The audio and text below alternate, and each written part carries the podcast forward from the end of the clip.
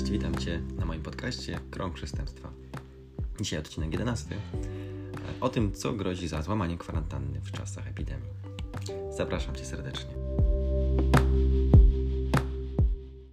Jak zapewne wiesz, w Polsce jest ogłoszony stan epidemii z powodu koronawirusa. Część z nas przebywa w kwarantannie. Jest to dosyć dolegliwe. Zrozumiałe są zatem pokusy, aby z kwarantanny zrezygnować, tym bardziej, że pogoda sprzyja spacerom. Zasadniczo zatem zastanówmy się, co grozi za złamanie mm, zasad e, kwarantanny. Opowiem Ci e, o tym na przykładzie. Pewien mężczyzna wrócił z Wielkiej Brytanii do Polski. Jak wiesz, wszyscy przybywający, z zagranicy zobligowani są zostać w kwarantannie na okres 14 dni. Ten mężczyzna jednak postanowił nie przestrzegać kwarantanny. Sprawa miała miejsce w Zamościu. W konsekwencji sąsiadka z bloku zwróciła mężczyźnie uwagę, że powinien zostać w domu.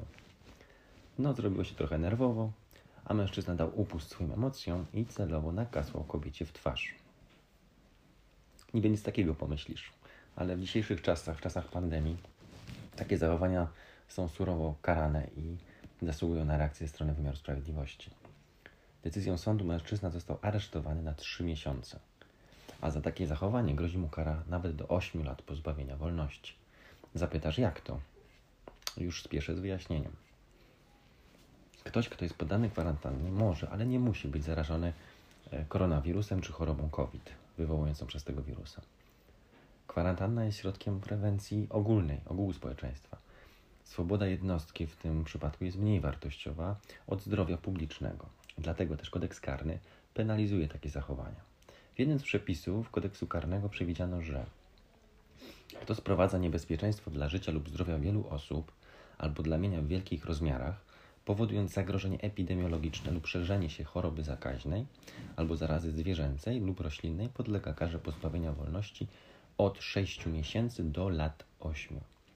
Jeżeli sprawca działa nieumyślnie, to kara może być wymierzona do 3 lat. Pozbawienia wolności oczywiście. Jeżeli zatem nasz bohater z Zamościa wiedział, że jest zarażony koronawirusem, to realnie musi się liczyć karą pozbawienia wolności do lat 8.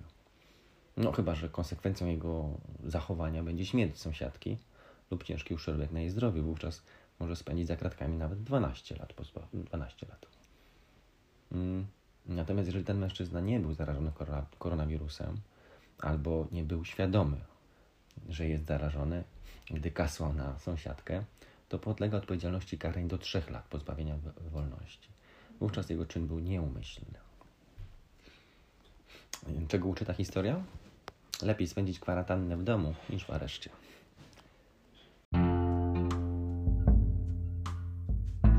Jeżeli uważasz, że ten odcinek podcastu Krąg Przestępstwa był wartościowy, zachęcam Cię do polubienia, polecenia lub subskrypcji. Jak też polecam Ci mój blog www.areszt-tymczasowy.pl Serdecznie Cię pozdrawiam i do usłyszenia.